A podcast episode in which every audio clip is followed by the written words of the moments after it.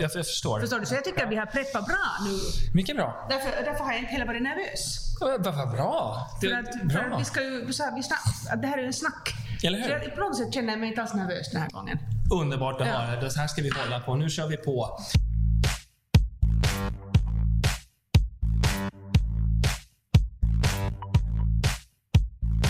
Eh, hej allihopa och välkomna med till Förbundsarenans tredje avsnitt av podcasten Finansieringsfunderingar.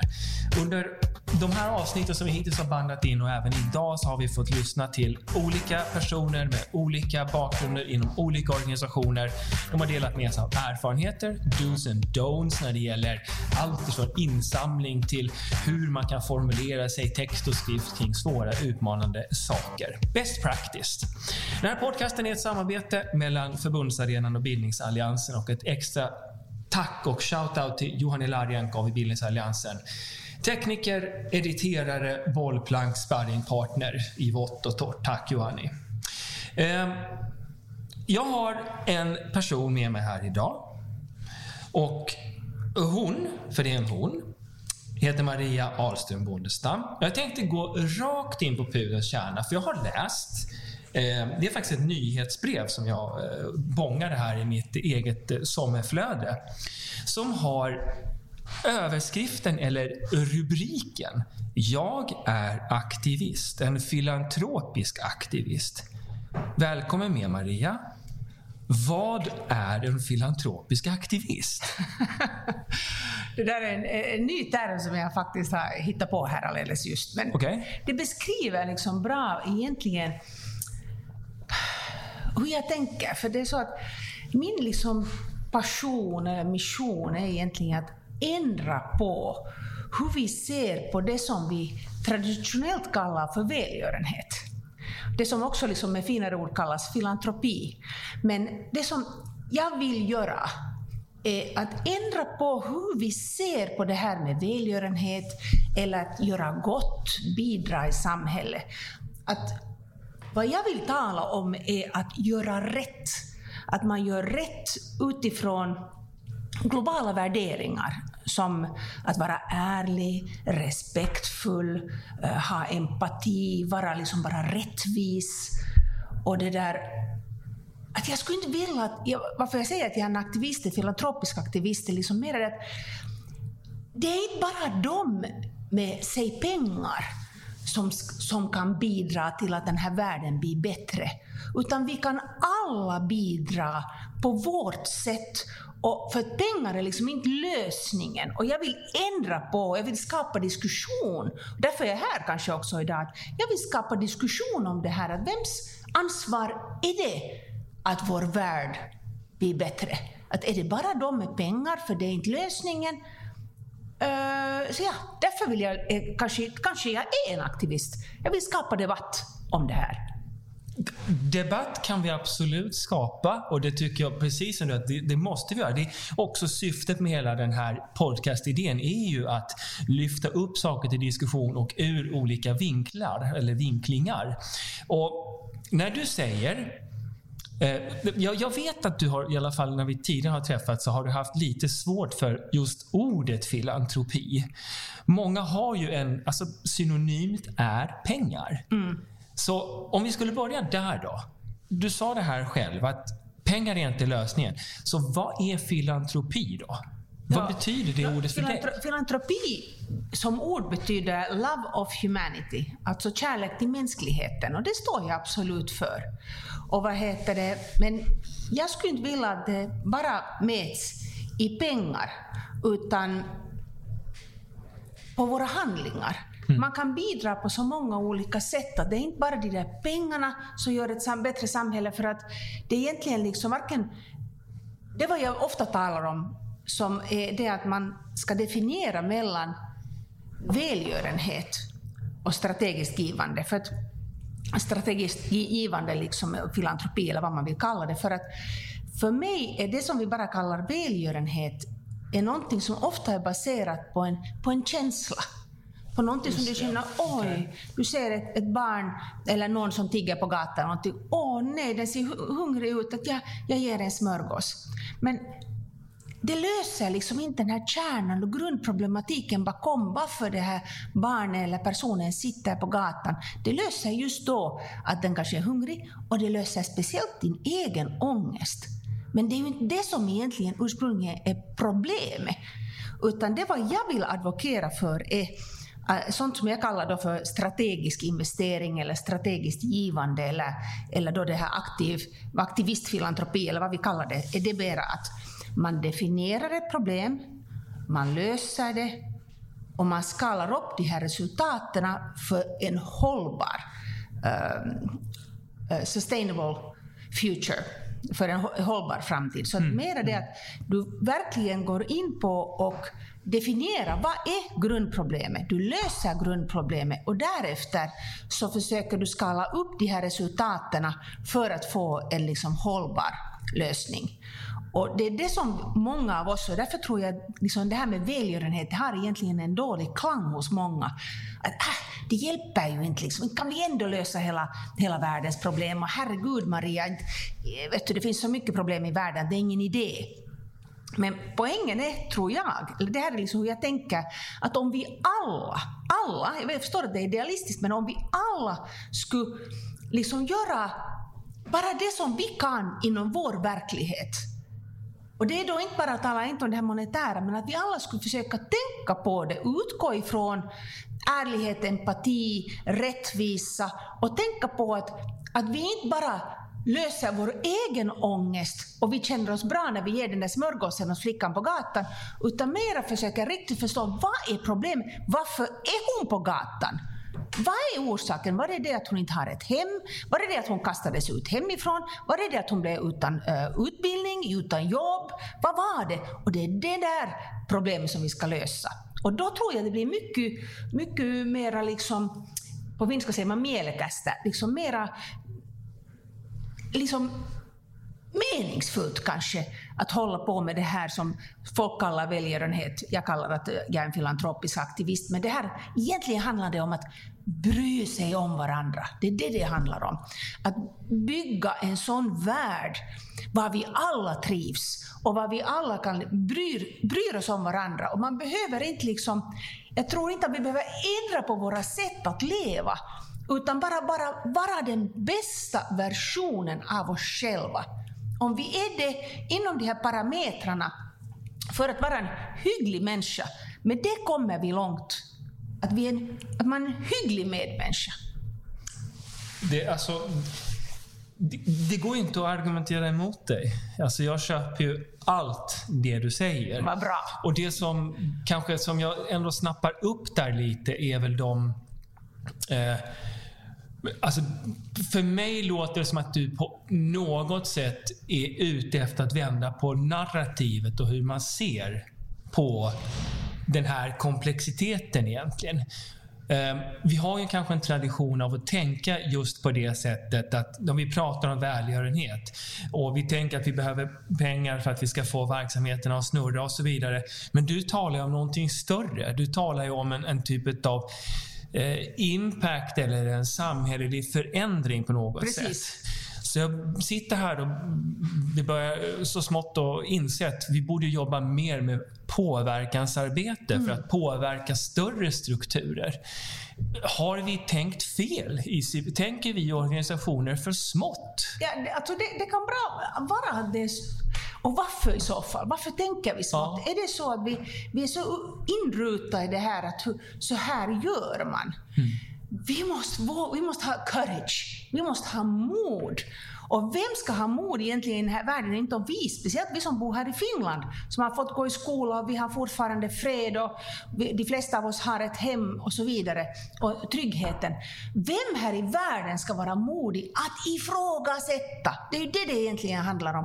Att ifrågasätta hur vi har gjort saker, för vi vet att människor, våra ungdomar, mår inte bra egentligen mår inte vårt samhälle så hemskt bra. Och vi borde ju, vi borde ju må bra, för vi har alla de här sakerna som jag just sa. Liksom, så vi borde må bra. Varför mår vi inte bra? Och då måste vi ju titta på vad kan vi göra annorlunda. Och det, det kräver av varje individ, varje en av oss, att ha mod.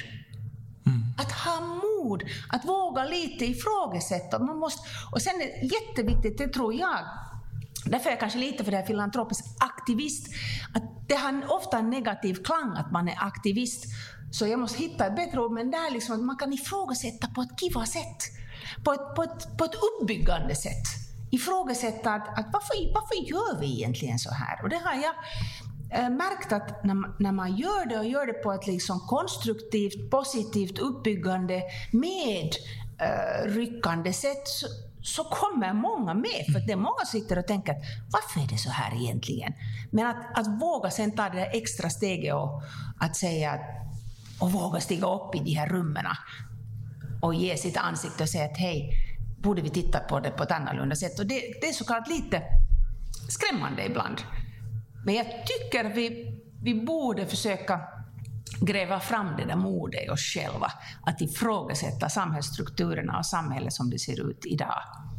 Alltså jag hoppas att du aldrig tar bort ordet aktivist ifrån ditt CV eftersom jag tycker att eh, på det sättet som du förklarade så, ja, jag förstår vad du menar. Att det kan säkert finnas hos vissa människor att aktivism är någonting negativt. Men samtidigt, jag menar, titta på historien, vilka aktivister mm. som har funnits som har lett oss till där vi är idag. Jag menar, Florence Nightingale var säkert en aktivist till exempel, alltså, enligt vissa personer då, men det hon lyckades med var ju alldeles otroligt. Mm. Cecilia Blomqvist, om vi tar närmare till Helsingfors, var ju också en aktivist på sitt sätt. Så jag hoppas att du aldrig tar bort det okay, epitetet. Då. Låt, det, låt det vara kvar. Um, att just ordet välgörenhet, jag skulle vilja gå tillbaka till det. För det är någonting som, om ordet aktivist väcker känslor, så väcker också ofta ordet välgörenhet känslor. På det sättet att eh, människor har negativa erfarenheter eller kanske inte riktigt förstår var pengarna går och så vidare. Ehm, jag har länge funderat på att organisationer i tredje sektorn generellt sett borde prata om deras verksamheter utifrån investeringstermer. Det vill säga att eh, om en person, en stiftelse, ett företag ger pengar till oss så är ju det en investering. Hur tänker du kring mm. just den där förändrade begreppsbilden? ja. Borde vi göra så? Alltså, eh, jag, jag, jag håller helt med och det här hur jag ser på det. Jag ändrar på vår terminologi inom då den här stiftelsen som jag har grundat tillsammans med mina kusiner. Egentligen för att vi skulle nå resten av vår familj, som är, många är, är bankirer. Så jag ser starkt att, att liksom, till exempel vi jobbar mycket med, med barnskydd och investerar i barn. Så jag ser att, att vi talar hellre om, vi talar om att vi investerar, vi donerar inte. Det är absolut nummer ett. Och därför talar jag inte heller om välgörenhet, utan det är också liksom en investering. Men på det sättet att när vi då traditionellt om man säger donerar. Så vi ser på våra donationer som investeringar. Och vi förväntar oss en avkastning på den där investeringen. Mm. Men avkastningen är inte nödvändigtvis monetär, så som bankirer och människor vanligen tänker. Avkastningen är inte nödvändigtvis direkt monetär, utan kommer i formen investering i till exempel barnskydd, invester, eh, den här avkastningen kommer i form av ett tryggt barn som växer upp och blir en ansvarsfull vuxen som sen med tiden kan kontribuera till samhället så att samhället sen vad heter det, samhället kan byggas upp och eh, frodas, företag kan verka, familjer är lyckliga och så vidare. Så att den här investeringen i ett barn Avkastningen kommer egentligen i form av ett stabilt samhälle. Och vem vill inte ha ett stabilt samhälle? Både företag och vi människor och vi familjer vill ha stabila samhällen. Men grunden för det är ju att du har de här stabila människorna som inte går omkring och skjuter på varandra och är dumma mot varandra. Så att det här är liksom vad jag, vad jag tror, att allt när vi, när vi liksom så att säga, folk säger att vi donerar någonstans, det är investeringar. Och du måste säga att avkastningen är inte direkt monetär, men på lång sikt är den även monetär. Nu öppnar du upp egentligen till en sak som, som för mig är lite nytänk. Eh, det vill säga att du säger att avkastningen behöver ju inte vara monetär. Då måste, Direkt precis, precis. Då måste det också betyda att filantropi är mer än pengar. Att Absolut, ja. Precis. Ja. Så filantropi kan ju också då handla om att till exempel eh, Ja, vad ska vi säga? Att alltså en person som till exempel har ett eget nätverk låter det nätverket eh, sättas Ja. ihop med en aktör i civilsamhället för att skapa nya Ja. synergier. Är det Ja. åt det hållet? Alltså, om jag får säga så här, så ett, ett, ett, eh, så här citat som jag tycker jättebra om är från Martin Luther King, som ju också var aktivist. Absolut. Alltså, det, Mm. Absolut. Det, ja. Så Martin Luther King sa att power is the possibility to affect change. So power is the possibility to affect change. Och då, då liksom, om du har makt så ska du använda den så, så gott du kan. Och nu talar jag inte bara om... Folk, när du hör ordet makt tänker folk ofta att det är någon i maktställning, att man är statsminister, president, eh, någon Microsoft uppfinnare och så vidare. Men vi har alla makt inom vår egen verklighet. Och att använda den, så att säga, makten för att bidra till samhället. Det är det som kan det är det som egentligen är filantropi eller love of humanity.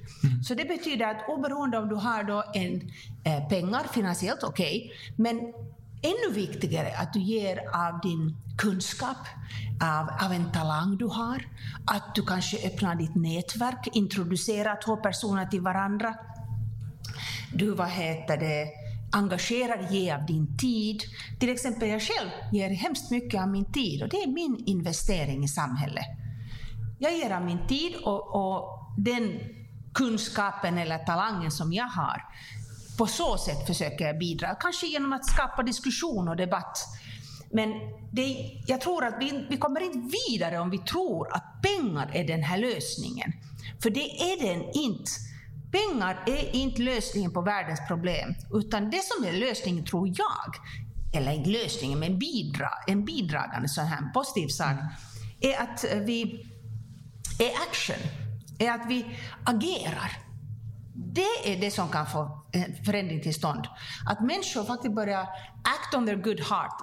Att vi som människor börjar agera enligt det som vi känner i våra hjärtan och i våra sinnen och det som vi, det som vi vill förändra. Ingenting kommer att förändras om inte vi agerar. Så det hjälper inte att vi står och tittar att oj, det, där, det, är så, det är så synd det här eller åh vad jag tycker att det här borde förändras. Vem, vem ska ändra på det? Vem ska ändra på det? Det är den personen som upplever att någonting är fel i deras samhälle. Det kan vara att det inte finns gatlyktor i, i, i min kommun eller på min gata. Inte den, den här andra typen där någonstans i en annan stad som kommer att ändra på det. Utan det är den personen som bor i den staden som måste börja titta. Va, vem ska man kontakta för de här gatlamporna? Och, och vad kostar det månne? Och vad tycker månne mina grannar? Och hur många barn finns här? Borde vi ha gatbelysning? Så inom sin egen verklighet så måste vi alla agera. Och då, om vi alla gör det och inser att vi har det här, inte bara ansvaret men också privilegiet att göra det, speciellt vi som bor i Finland, så då liksom kan vi få en förändring till stånd. Men pengar tror jag inte är lösningen. Nu, nu är det ju inte alls meningen att, eh, att sätta någon slags etikett eh, på dig, men jag gör det ändå. För mig känns det som att du drivs till viss del, att du har ett väldigt stort rättvisepatos Ja. inom dig. Var kommer det här ifrån? Alltså, det, var kommer det här som du nu lägger fram? Var, var Ja. kommer det ifrån? jag, jag, vet, jag, jag, jag, kan, jag kan liksom... Det, jag, det finns många orsaker såklart. Vi är alla Okej. människor komplexa, komplexa och vi har eh, långa historier och det ena och det andra. Men, men jag kunde kanske dela med en sån här story. Mitt, mitt, första, mitt, mitt första minne av eh, min egen roll i samhället är från när jag är ungefär fem år gammal. Och min pappa köpte glass åt mig och, och mina syskon från en glasskiosk i, i Helsingfors, här i- i Munksnäs. Och, det där, och jag frågade när jag fick den där härliga vet ni, med jordgubbsglass att, att får, kan en kung äta all glass i världen, pappa? Bra fråga. Och då svarade min pappa att, att det där, ja, en kung, antagligen kan en kung äta hur mycket glass han vill. Men att en bra kung antagligen skulle bygga glasskiosker och lära barnen att laga glass. Och på så vis så kan, kunde både barnen och kungen äta glass hur mycket de vill tillsammans. Hmm. Och det här var första gången som jag som femåring reflekterade på att aha, om man har makt, då kan man använda den här makten bara för sig själv, eller man kan använda den så att den eh, benefits many, att den kommer många människor till godo. Mm. Att makt kan användas på många olika sätt. Det har påverkat mig. Eh, sen några år senare så fanns det en sån här rutschkana gunga på den här lekplatsen var vi brukar leka, Mm. som var sönder. Okej. Och det där, många, många barn stötte sig på den och, och så vidare. Och, och jag gick hem och, och frågade min pappa att det där, jag sa att den här, den här rutschkanan är sönder och den är farlig, att någon borde göra någonting. Och då sa, tittade min pappa på mig och sa att, att någon, ja någon borde göra någonting. Att, vad borde du göra? Och, det där, och jag sa att eh, du, du kan hjälpa mig pappa. Att du kan hjälpa mig. Och då sa han att nej, att han hjälper inte. Så jag men att jag kan inte fixa en, en sån här rutschkana, inte vet jag hur man gör. Att du måste hjälpa. Och då sa han att där, du ska använda de kompetenser och, och kunskaper som du har för att fixa den där rutschkanan. Och då sa jag igen att jag, jag har inga sådana kompetenser, jag vet inte hur man, hur man gör. Och då sa han att, det där med att du kan ju skriva, kan du inte? Och jag var tio och sa att ja, jag kan skriva. Nå, hur skulle det vara om du skulle skriva till någon och be om hjälp av till exempel presidenten? Skriv till presidenten och, och fråga om han kan hjälpa. Och då tänkte jag att, att ja, men det är ju en god idé, han har ju makt. Så han kan säkert hjälpa. Så jag skrev till president Urho Kekkonen och bad honom hjälpa, hjälpa mig med att fixa den här rutschkanan. Och till allas stora förvåning så fick jag faktiskt ett skriftligt svar från Okej. president Kekkonen och de reparerade den här rutschkanan. Och den, det här hade en betydelse av två orsaker för mig. Ett, min pappas det här nej. Det är ditt ansvar. Det är din, din liksom ru- rutschkana eller gunga.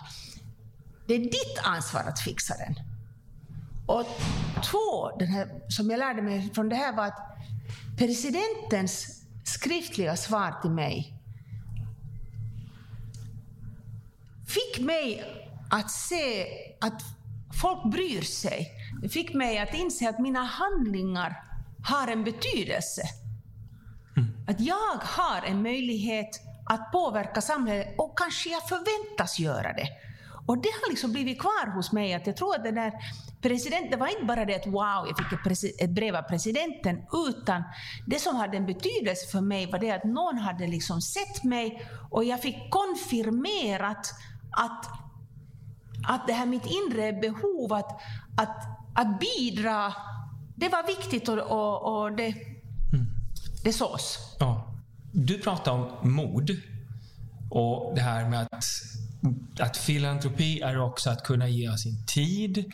Att kanske få någon att komma in i ett nätverk, att, att, att ge av kunskap, att det är mer än pengar.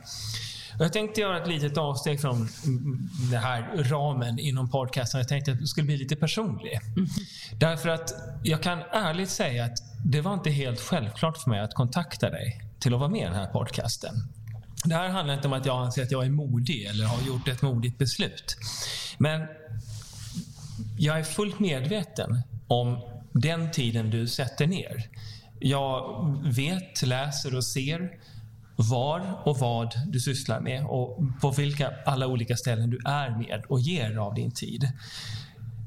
Och då börjar jag fundera att det kanske är det som också många gånger är en en, en tröskel för Mm. organisationer i civilsamhället att vi är lite försiktiga.